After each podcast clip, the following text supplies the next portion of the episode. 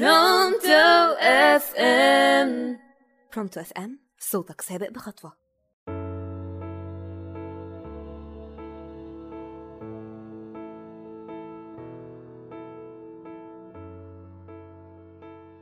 صباح الخير أو مساء الخير على كل اللي بيسمعونا.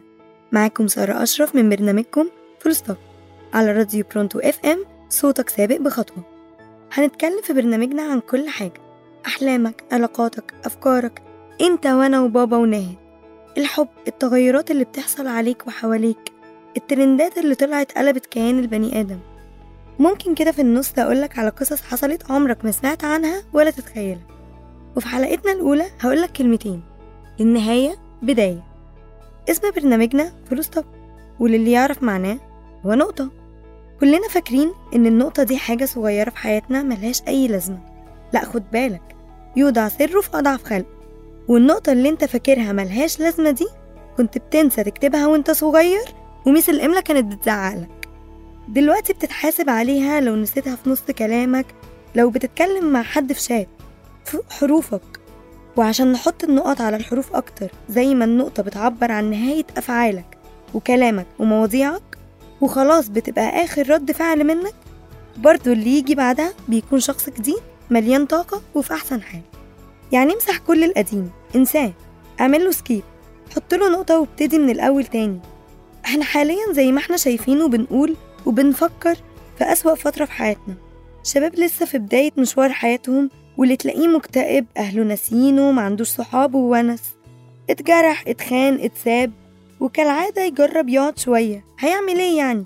أيوة هيمسك الفون. تيجي بقى تفتح فيسبوك واتساب انستجرام ويا فرحتي على اللي هتلاقيه. غير طبعا الأحداث اللي عايشين وسطها من خطف وسرقة وقتل تخلي نفسيتك في الأرض. حضرتك ده حتى الأغاني والمسلسلات بقت كلها عن الخيانة والجراح وليه يا دنيا بتحطي على جرحك لونيا فهتلاقي إيه؟ كل الاستوريهات عن الزعل والخذلان والكسر ووجع القلب الناس المزيفة اللي بقينا عايشين وسطهم. حتى أحلامك وطموحك محكومة بمجموع ويا يصيبك الحظ. يا أهلا بيك لقد صاحبتكم اللعنة لحد ما تتخرج وتبتدي كمان رحلة البحث. يا إما عن نفسك يا على شغل تثبت فيه إنك موجود وإنك ليك طريق. ليك وللي حواليك.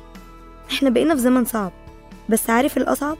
أما تسيب نفسك لكل الأفكار دي. أما ترضى وتقول ده واقع أنا هعمل إيه يعني؟ هما اللي قبلي عملوا إيه؟ لأ عملوا كتير خد بالك. محدش هيحس بيك ولا هيقدر يغير منك غيرك. خد لك مثال من الناس اللي حواليك طالما انت مدمن social media.